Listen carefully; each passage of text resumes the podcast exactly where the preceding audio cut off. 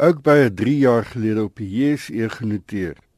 Verlede jaar het die maatskappy egter probleme opgetel toe die land se groot banke ook by sy rekeninge gesluit het. Maar markontleeders is nie verras oor die denotering nie. Patrick Bafana Matidi is 'n portefeuljebestuurder by Aluwani Capital Partners. One of those requirements being you need to have a sponsor uh, to actually help user entity that is listed. But also we have seen other service providers, including auditors and bankers, uh, shying away from, uh, from OGBay, which then makes it very difficult for them to operate as a business, let alone list on the JSE.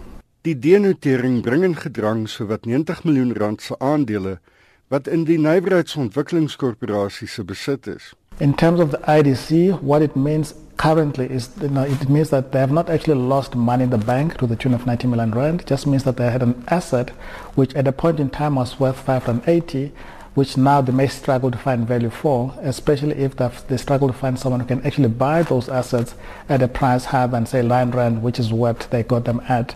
Again, bearing in mind over that time period where it was listed, it did hit at, at a share price of about 50 rand, which again it meant that for the IDC compared to the 9 rand, there was also value at that point in time.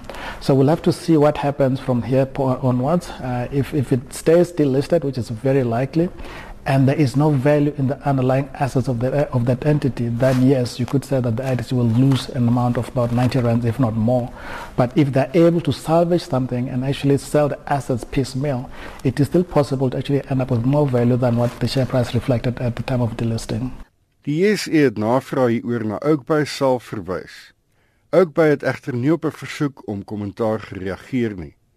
Hierdie bydra van Tsepo Mongwae van ons ekonomiese redaksie en ek is Hendrik Martin vir SAK nuus.